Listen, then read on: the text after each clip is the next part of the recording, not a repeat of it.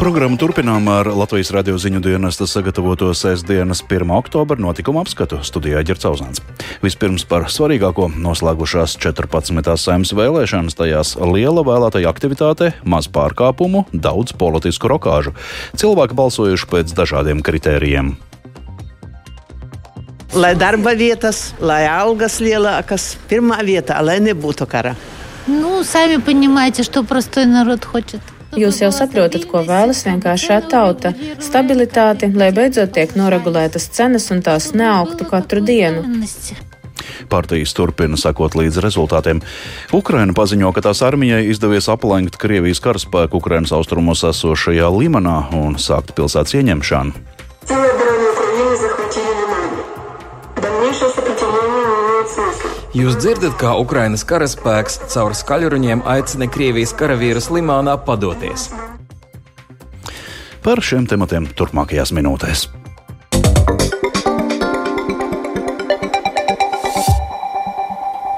Ar necerēti lielu vēlētāju aktivitāti un ļoti maz pārkāpumiem noslēgušās 14. saimnes vēlēšanas. Balsotāja izvēle vēl tiek apkopota, bet vēlētāju aptaujas piecirkņiem rāda, ka par šo vēlēšanu uzvarētāju uzskatāma premjera pārstāvētā jaunā vienotība. Pirmie oficiālie dati no iecirkņiem gan liecina, ka ar nelielu pārsvaru jauno vienotību apsteidz Zaļo un Zemnieku savienība, bet trīnieku noslēdz apvienotais saraksts. Parlamentā varētu iekļūt vairāk politisko spēku nekā iepriekšējās vēlēšanās. Turklāt politiskajā pārstāvniecībā sagaidāmas visai būtiskas rokādes. Par to visu plašāk Edgara Kopča ierakstā. No pēdējās saimā iekļuvušās partijas iepriekšējās vēlēšanās līdz iespējamai uzvarētājai šajās. Tas sakāms par partiju apvienību jaunā vienotība, kam augstāko vēlētāju atbalstu solīja reitingi pirms vēlēšanām un balsotāju aptaujas piecirkņiem sestdien, bet oficiālie dati no Centrālās vēlēšana komisijas rāda sīvu cīņu ar Zaļo un Zemnieku savienību. Politiskā pieredze un veiksme ir divi faktori, kas apvienībai jaunā vienotība tagad palīdzējuši kļūt par šīs saimnes vēlēšanu potenciālo uzvarētāju. Tādu vērtējumu Latvijas radio pauda sabiedriskās politikas centra providus direktore Iveta Kažoka. Ja vēlēšanas būtu notikušas šī gada janvārī vai pagājušajā gadā, konkurences apstākļi būtu tādi, ka vienotība atkal varētu pretendēt varbūt uz 6-8% no vēlētāju balsis. Bet tā kā vēlēšanas mums notiek dienu pēc tam, kad Vladimirs Putins ir paziņojis par četru Ukrainas teritoriju pievienošanu Krievijā, tad uh, ir pilnīgi likumsakarīgi, ka Latvijas vidējais vēlētājs jūtās nedroši un meklē savā politiskajā piedāvājumā tādus politiskos spēkus, kas viņiem ļauj sajusties drošāk un prognozējamāk. Savukārt nedroši, neprognozējami lielai daļai vēlētāji nav ļāvuši sajusties tādas pašreizējās varas partijas kā attīstībai par un konservatīvie, kam mazo vēlētāju atbalstu politoloģi Kažoka skaidro arī ar balsotāju vilšanos pirms četriem gadiem atbildēja uz ļoti spēcīgu un izteiktu pieprasījumu pēc pārmaiņām. Šobrīd tas dominējošais sentiments ir pamainījies. Daļai tur ir jautājums par reputāciju. Nu, šīs divas partijas nu, krīt cauri gan tajā līgā, kas cīnās par labāko stabilitātes un drošības iemiesojumu, gan arī tajā līgā, kas saka, ka mēs nesīsim pārmaiņas, un ka tur ir diezgan liela vēlētāju vilšanās. Turklāt liberāli noskaņotiem vēlētājiem ar jaunas politikas piedāvājumu nākus partija progresīvie, kam vēlētāju aptaujas sola pat virs 8% atbalstu, bet dati no iecirkņiem pagaidām gan liek balansēt zem 5% robežas. Savukārt karš Eiropā un tās sekas, kā arī vilšanās iepriekšējos pārmaiņu solītājos, daļai vēlētāju līdz atgriezties pie tādiem politiskiem spēkiem kā Zaļo un Zemnieku savienība, apvienotā saraksta dalībniecēm partijām un Nacionālās apvienības. Lielais politiskais piedāvājums - 19 sarakstu iepratim 16 politiskiem spēkiem iepriekšējās vēlēšanās - ir bijis viens no iemesliem necerēta lielajai vēlētāju aktivitātei.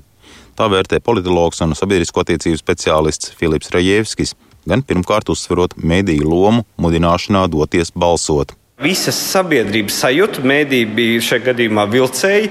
Jāiet visiem uz vēlēšanām. Es domāju, ka sabiedrība to sadzirdēja. Un karš ir vēl lielāks, tāds, vēl viena tāda sāpīga pletne, kas aizmugurē pletē to sabiedrību, ka, ka ir jāiet un, un ja tu tici šīs valsts nākotnē. Un es domāju, ka cilvēki negrib neticēt šīs valsts nākotnē. Tas ir tas, kāpēc viņi iet uz vēlēšanām. Pat eh, sākot no populistiem, beidzot ar liberāļiem, konservatīviem, visur bija iespēja izvēlēties. Nebija neviena segments, kur bija viena partija, kur turētu monopolu. Dažādu drošības dienestu ziņas liecina, ka šīs vēlēšanas kopumā izritējušas bez būtiskiem pārkāpumiem, kas varētu mainīt vēlēšanu iznākumu. Centrālās vēlēšana komisijas priekšsēdētāja Kristīna Bērziņa min arī vairākas kuriozas sūdzības aizgājuši nobalsot uz kādu citu vēlēšanu apgabalu, piemēram, uz vidzemes vēlēšanu apgabalu, bet vēlēs balsot par kandidātiem Rīgā, vēlējās pārbalsot. Bija vairāki gadījumi, ka vēlētāji vēlējās balsot ar ģenerālu pilnvarām citu no savu radinieku vietā, bet Latvijā šādas balsošanas iespējas nav. Bet, vērtējot potenciālos saimā iekļuvušos politiskos spēkus, politologi secina, ka izveidot koalīciju šajā reizē var būt tikpat grūti kā pēc iepriekšējām vēlēšanām. Edgars Kupčs, Latvijas Radio. Partijas atšķirīgi sagaida vēlēšanu rezultātus. Kādam prieks par panākumiem, taču piesardzīgu dara pirmie rezultāti, kāds cits dzerot vīnu, kaļ plānus turpmākajiem darbiem. Dažiem zajās maigs, vēl kāds neslēpj bēdas par rezultātiem. Par to ar kādu noskaņojumu partijas sagaida rezultātus Lindas Spundiņas reportāžā. Viss tas te nav blombēta? Kārtībā. Jā. Kurš esat iekšā? Tiklīdz pēdējie vēlētāji savu izvēli izdarījuši, vēlēšana kastes slēdz un nu sākas balsu skaitīšana. Nepacietīgi rezultātus sāk gaidīt partijas. Pēc vēlētāju aptaujas rezultātiem šajās vēlēšanās uzvarējuši ir jaunā vienotība. Partijas birojā, kur sanākušiem ielojas ar uzkodām, kuras noformētas ar maziem ukraiņas karogiem, valda pacelēts garastāvoklis.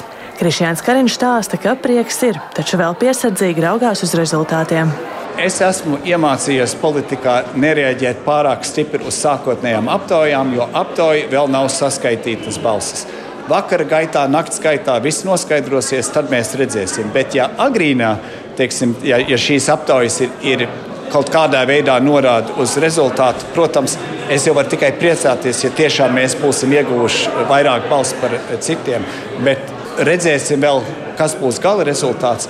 Un man ir skaidrs, man liekas, visiem ir skaidrs, nākamo valdību veidos koalīcija. Tātad neviena viena partija nevarēs visu noteikt un būs jāturpina sadarboties vienam ar otru. Galvenais, ka mēs atrodam šo kopīgo valodu starp dažādām partijām. Vai šobrīd jūtaties kā uzvarētāji? Es šobrīd jūtos labi un priecīgs ka mūsu valsts iedzīvotāji ir vairāk gājuši un piedalījušies kā pēdējo reizi pirms četriem gadiem. Tad jums ir lielāks prieks par aktivitāti, nevis šobrīd apgājas par šiem rezultātiem? Man ir prieks par abiem. Pavisam netālu no Saimas nama Graznām vecrīgas viesnīcām rezultātus gaida apvienotais saraksts. Pie kafijas tases vai vīna glāzes partijas biedri jau kala plānus turpmākajam darbam. Edgars Tavaru uztrauc, kas veidos valdību. Otrais rezultāts pēc exitpūļa, protams, ir um, ļoti cienījams rezultāts. No, šeit tāds klusums nav tāda liela sajūsma. Varbūt jūs tādā piesardzīgi uz rezultātiem skatāties. Sajūsma tā jau nav eiro loterija lielāka, kur vajadzētu visiem gavilēt. Tas ir viens posms, ir noslēdzies, tas ir vēlēšanas, un cilvēki mums ir um, devuši uzticības mandātu. Tas, par ko mēs uh, tiešām arī runājam runājam, jau arī šovakar ar kolēģiem runājot, kas ir tie mūsu primārie darbi, ko mēs sākam. Nu, kas būs tie cīņu biedri, ko mums būs jāatrod veids, kā apvienoties kopīgam darbam nākamajā saimā un skatīsimies arī, iespējams, arī valdībā. Lielajā ata centrā vairākos ekrānos lasām partijas saskaņas saukļi. Par vēlēšanu noslēgumu liecina viena televīzijas tiešraide. Partijas biedru šeit ir diezgan maz, un prieka par rezultātiem sanākušajiem nav. Pēc vēlētāju aptaujas rezultātiem saskaņa ir zem 5% atzīmes. Šis ir krietni zemāks rezultāts nekā iepriekšējās saimnes vēlēšanās. Partijas līderis, Eiroparlamentārietis Nils Hušakovs, paredz, ka saskaņa 14. saimā iekļūs, taču prieka viņa sejā it nemaz nav. Tiem, kas raudas pēc šiem rezultātiem, Ziemassvētku nebūs. Līdz ar to ir vienīgais, nu kā, nu ir jāstrādā. Mēs redzam, ka daļa no vēsturiskiem cilvēkiem, kas balsoja par saskaņu, joprojām paliek mājās. Daļa pieņēma lēmumu nobalsot par uh, jauniem politiskiem spēkiem, kam ir mazliet citādākā, piemēram, attieksme vai nu pret zinātnē, vai nu pret uh, ģeopolitiku. Mēs šajos apstākļos, ko es gribētu pasvietrot, neplānojam nekāda veida savu pozīciju mainīt. Tas lēmums, kas bija pieņemts 24. februārī, viņš uh, paliek uh, gan pozīcija, gan attieksme pret to karu. Nu, es ne, attieksme nepaliek nemainīga, viņa paliek vēl, es teiktu, negatīvāk pret to, kas notiek Ukrainā. Daudz pozitīvāk rezultātus sagaida progresīviem, kas sola ballēt ilgi. Rezultātus partija gaida Naslukālā Tallinas ielas kvartālā. Jutāmies, jūtamies nebezcerīgi. Šālas ir diezgan pozitīvas, nav tāds klusums. Man liekas, mēs drīz pavisam noteikti atrapsimies uz šīs deju grīdas. Prieku neslēpj arī partijas līderis Kaspars Briškens. Esam priecīgi par to, ka mēs aptaujās redzam, ka progresīviem ir ļoti augsta varbūtība iekļūt parlamentā. Skaidrs, ka mēs pavadīsim interesantu nakti gaidot reālos rezultātus, un mēs redzam, ka kopš iepriekšējām saimnes vēlēšanām jebkurā gadījumā progresīvo atbalsts ir ļoti pieaudzis. Mēs esam ļoti pateicīgi vēlētājiem. Kāds noskaņojums progresīvajiem, nu, mēs redzam šeit visi līgsmo. Tas nozīmē, ka noteikti ir prieks par uh, sasniegto.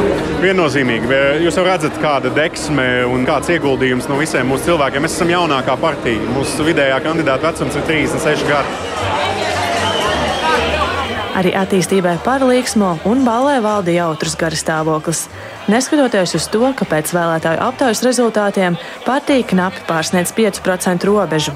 Par rezultātiem turpina Marija Golubeva. Es domāju, ka vienkārši pati atbildība par krīzes nozarēm ir gana liels klupšanas akmens, jo tas prasa visu laiku pieņemt lēmumus, un ne visi no šiem lēmumiem var būt populāri. Otrkārt, mēs vienmēr esam turējušies pie savas programmas. Mūsu programma ir diezgan atšķirīga no vairākuma Latvijas partiju. Tā ir liberāla. Mūsu augstākā vērtība ir individuāla brīvība, ne tik daudz eh, populāras lietas, kas varbūt eh, citām partijām ir bijušas svarīgākas.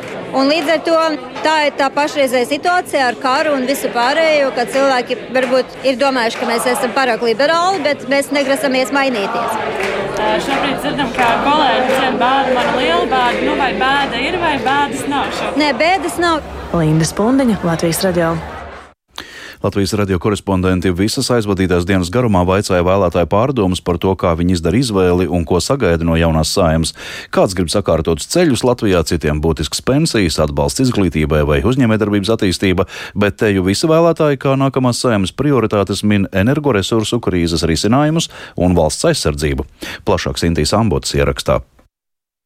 Zinām, par ko balsosim, sen jau zinām, un visu, un ejam balsot. Latvijas radio aptaujātie vēlētāji Ugris novadā norāda, ka ejot uz vēlēšanu iecirkņiem jau skaidri zina, par ko balsos. Daļa gan arī atzīst, ka izvēle apgrūtina lielais partiju skaits, bet citi tieši priecājas par plašāku izvēli. Kā bija izdarīt izvēli šajā reizē vēlēšanās? Vienkārši. Vienkārši. Vienkārši. Kā, kā jūs izdarāt izvēli? Kā cilvēki ir strādājuši? Par ko jādomā jaunai saimē būs? Par drošību un kā mums šito ziemu izdzīvot. Pašais vissvarīgākais ir mūsu valsts, tauta un tas, kas notiek pasaulē un kurā pusē mēs pārliecinoši esam. Pēc kā jūs izdarāt izvēli par to, lai būtu gan cilvēkam labi, gan izglītība, gan arī ražošana un arī, protams, drošības sajūta? Šķiet, šogad visgrūtāk. Kāpēc? Esam nedaudz vīlušies pašreizējā valdībā.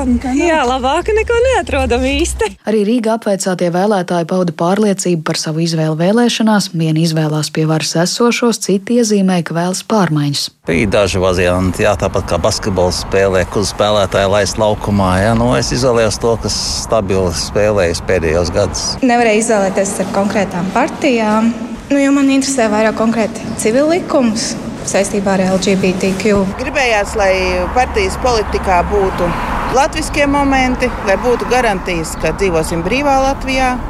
Vispār, teikšu, godīgi negribēju vairāk balsot par tiem, kas atrodas pie varas. Tikmēr Valmierā vēlētāji vērtēja, ka šajās saimnes vēlēšanās izšķirties starp partijām nebija vienkārši. Kādam būtiskas pensijas, vēl kādam politiķu darbi pandēmijas laikā vai drošības politikas stiprināšana. Daudz ir tādas jaunas un nezināmas partijas. No vienas puses, varbūt arī gribās kaut ko jaunu, bet no otras puses, nav zināms, kas no viņiem sagaidāms. Izvēle bija skatoties vairāk uz um, pandēmijas krīzes vadību, ja tā varētu teikt. Kā tas viss noritēja? Ko tad gaidat? Nu, varbūt kaut kas labāks būtu. Varbūt uh, par darbiem, par samaksām, par algām. Es arī esmu mazliet bailēs par to, kas blakus valstīs notiek, aso situācija. Un, uh, Nu, negribās, lai nepareizos cilvēks ievēl. Liepājā vēlētāji gan neslēpa vilšanos esošajā varā, gan vienlaikus iezīmēja, ka arī līdz šim ievēlētā vara bijusi sabiedrības spogulis. Tas arī tagad nebūtu nācis. Vienkārši valstī tik slikti paliek, jau kad nu, nav izvēles. Cik gadus jau varējāt nākt un nenākt? Šis sanāk 11. gads. Pirmās vēlēšanas. Jā. Nu, iepriekš man tā īpaši neinteresēja tas viss. Viegli bija izdarīt izvēli. Nu, principā jā. Man grūti. Kāpēc grūti? Nu, pat daudz partijas. Nu, ko sagaidīt? Nu, daudz kas atkarīgs no mums pašiem arī. Kāda mēs paši, tāda mūsu saima. Nu, man kā pensionārai vajag svarīgākais būtu tomēr drusku veselības jautājums. Kā daudz vietā Latvijā, arī Dobelē šodien pie vēlēšanu iecirkņiem veidojās balsotāju rindas, bet Latvijas radio iedzīvotāji atzina, ka ir bruņojušies ar pacietību un tādēļ negrasījās atteikties no iespējas atdot savu balsi par kādu politisko spēku. Tādā rindā nestāvēšu pagaidām. Bet vispār plānojat piedalīties? Drīkst prasīt jums, kāpēc piedalāties vēlēšanās? Nu, tā pierasts kaut kā. Man svarīgi, kas mums būs, kas mūs vadīs. Es skatījos, atnācāt aizgājāt rindas nobiedrā. Uh, nē, rinda iekšā ir karsti. Mēs mazājamies līdz muzikas skolai aizskriesim. Tas nenozīmē, ka jūs esat zaudēti vēlēšanām. Absolūti nē, absolūti nē. Tāpēc jau mēs braucam un ar bērniem pilsoņu pienākumu mācam jau no bērnības. Sinti Ambote, Latvijas radio. Jau no sājuma devās vēlēt arī Latvijas-Krievijas pierobežas mazpilsētas Zilupas iedzīvotāji. Vēlētāja aktivitāte tur, tāpat kā daudz viet citur Latvijā, bija lielāka nekā parasti. Cilvēki balsojot cer uz labāku nākotni, ekonomikas izaugsmi un mieru starp tautām. Vairāk Ivets Čigāns ierakstā. Pierobežas nelielā pilsēta Zilupe. Vietējā tautas namā darbojas vienīgais vēlēšanu iecirknis. Vēl pirms tā atvēršanas te bija izveidojusies iedzīvotāju rinda. Ar cerību uz labāko dzīvi Latvijā. Nu, domājam, bija laiks padomāt. Pie vēlēšanu iecirkņa uzrunātie cilvēki atzīst, ka laikā, kad valstī strauji pasliktinājusies ekonomiskā situācija, viņi iet vēlēt jauno valdību ar cerību uz pozitīvām pārmaiņām. Lai darba vietas, lai algas lielākas un lai pensionārs neaizmirst. Pirmā vietā, lai nebūtu kara. Ну, сами понимаете, что простой народ хочет. Jūs jau saprotat, ko vēlas vienkāršā tauta - stabilitāti, lai beidzot tiek noregulētas cenas un tās neaugtu katru dienu. Zilupē liela daļa iedzīvotāju ir krievvalodīgie, un vairāki uzrunātie pilsētnieki uzsver, ka šoreiz pirms vēlēšanām ir bijis ļoti maz informācijas gan par kandidātiem, gan par partiju programmām Krievu valodā. Tāpēc, ejot pildīt savu pilsoņa pienākumu, viņi joprojām nezina, par kuru sarakstu balsos. Tajā pašā laikā visiem aptaujātajiem ir vienots viedoklis par kara Ukrainā izbeigšanu un bažas par ekonomisko situāciju valstī. Mala informācija bija. Bija ļoti maz informācijas. Mēs pat nezinām, kādi saraksti ir. Mēs gribam mieru visā pasaulē. Es visus sarakstus vēl neesmu redzējis, tāpēc vēl neesmu izlēmis, par ko balsošu. Varat iedomāties, es nezinu, par ko balsot. Pie mums vispār nebija nekādas informācijas. Lai kuram no vietējiem es jautātu, neviens nezina. Pirmais, kas jāizdara, ir jāpaceļ pensionāriem pensija. 300, 400 eiro tā nav pensija. Skolotājiem iedodiet naudu, mediķiem iedodiet, bet pensionāriem neko nevajag. Pensionāri streikot neiet. Gados jaunākie cilvēki, raugoties nākotnē, bažījies par saviem vecākiem vecākiem un vecvecākiem, jo jau tagad daudzi nevar tikt galā ar cenu pieaugumu gan energoresursiem, gan pārtikai. Sakārtotu algas un sakārtotu iespēju Latvijā nodzīvot arī tiem, kam ir ļoti maziņas algas, kas notiek veikalos, ir šausmīgi, jo aug ļoti cenas. Varbūt tai vecākai paudzei mazāk informācijas bija. Mums jaunākai paudzei ir internets, ir sociāli tīkli, ir rādio, kuru es klausos ikdienā. Tāpēc, nu, kā neteikšu, televīzija skatoties, ko kurš skatās, ko, ko dara tas cilvēks, kurš grib balsot. Iet. Zilupes pilsēta un kādreizējais Zilupes novads teritoriālās reformas gaitā tika pievienots Ludzes novadam, kurā kopumā pašlaik reģistrēti 17,704 balstiesīgie. Iveta Čigāne, Latvijas radio studija Latgalē.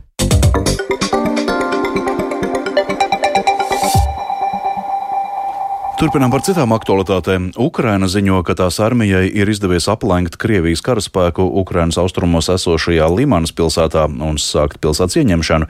Limanā atrodas aptuveni 5000 Krievijas karavīru. Tiek pieļauts, ka Ukrainas spēki varētu ieņemt šo strateģiski nozīmīgo punktu tuvāko trīs dienu laikā. Limana atrodas Donetskas apgabalā, par kura nelikumīgu aneksiju piekdienu paziņoja Krievija. Plašāk Arķom Konohaus sagatavotajā ierakstā.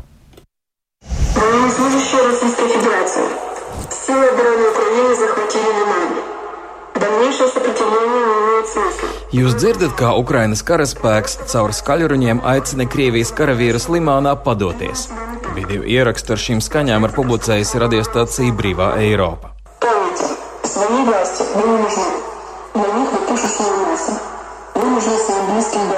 Sievietes balss krievu karavīriem saka, ka viņa savai vadībai nav vajadzīga un tiek uzskatīta tikai par lielgabalu gaļu. Bet karavīri ir vajadzīgi saviem tuviniekiem, Nelielās, bet strateģiski svarīgās Limānas pilsētas ieņemšana varētu notikt tuvāko trīs dienu laikā, tā uzskata ASV Kara izpētes institūts. Pirms kara šajā pilsētā dzīvoja 20 tūkstoši cilvēku. Blakus esošā Luhanskas apgabala vadītājs Serhijs Haidais mēdījiem sacīja, ka Krievu karavīriem ir tikai trīs iespējas. Ну, по лиману оккупанты попросили возможности выйти, на что они получили отказ. Ja runājam par Limanu, tad tur okupanti palūdza iespēju doties prom, bet saņēma atteikumu. Tādēļ tagad viņiem ir trīs varianti - vai nu mēģināt izlausties ārā, vai nu padoties, vai arī visiem kopā nomirt. Tur viņu ir vairāki tūkstoši, aptuveni pieci, kaut gan precīzu skaitļu vēl nav. Jebkurā gadījumā tas ir milzīgs grupējums, nekas tam līdzīgs vēl nav bijis aplenkumā.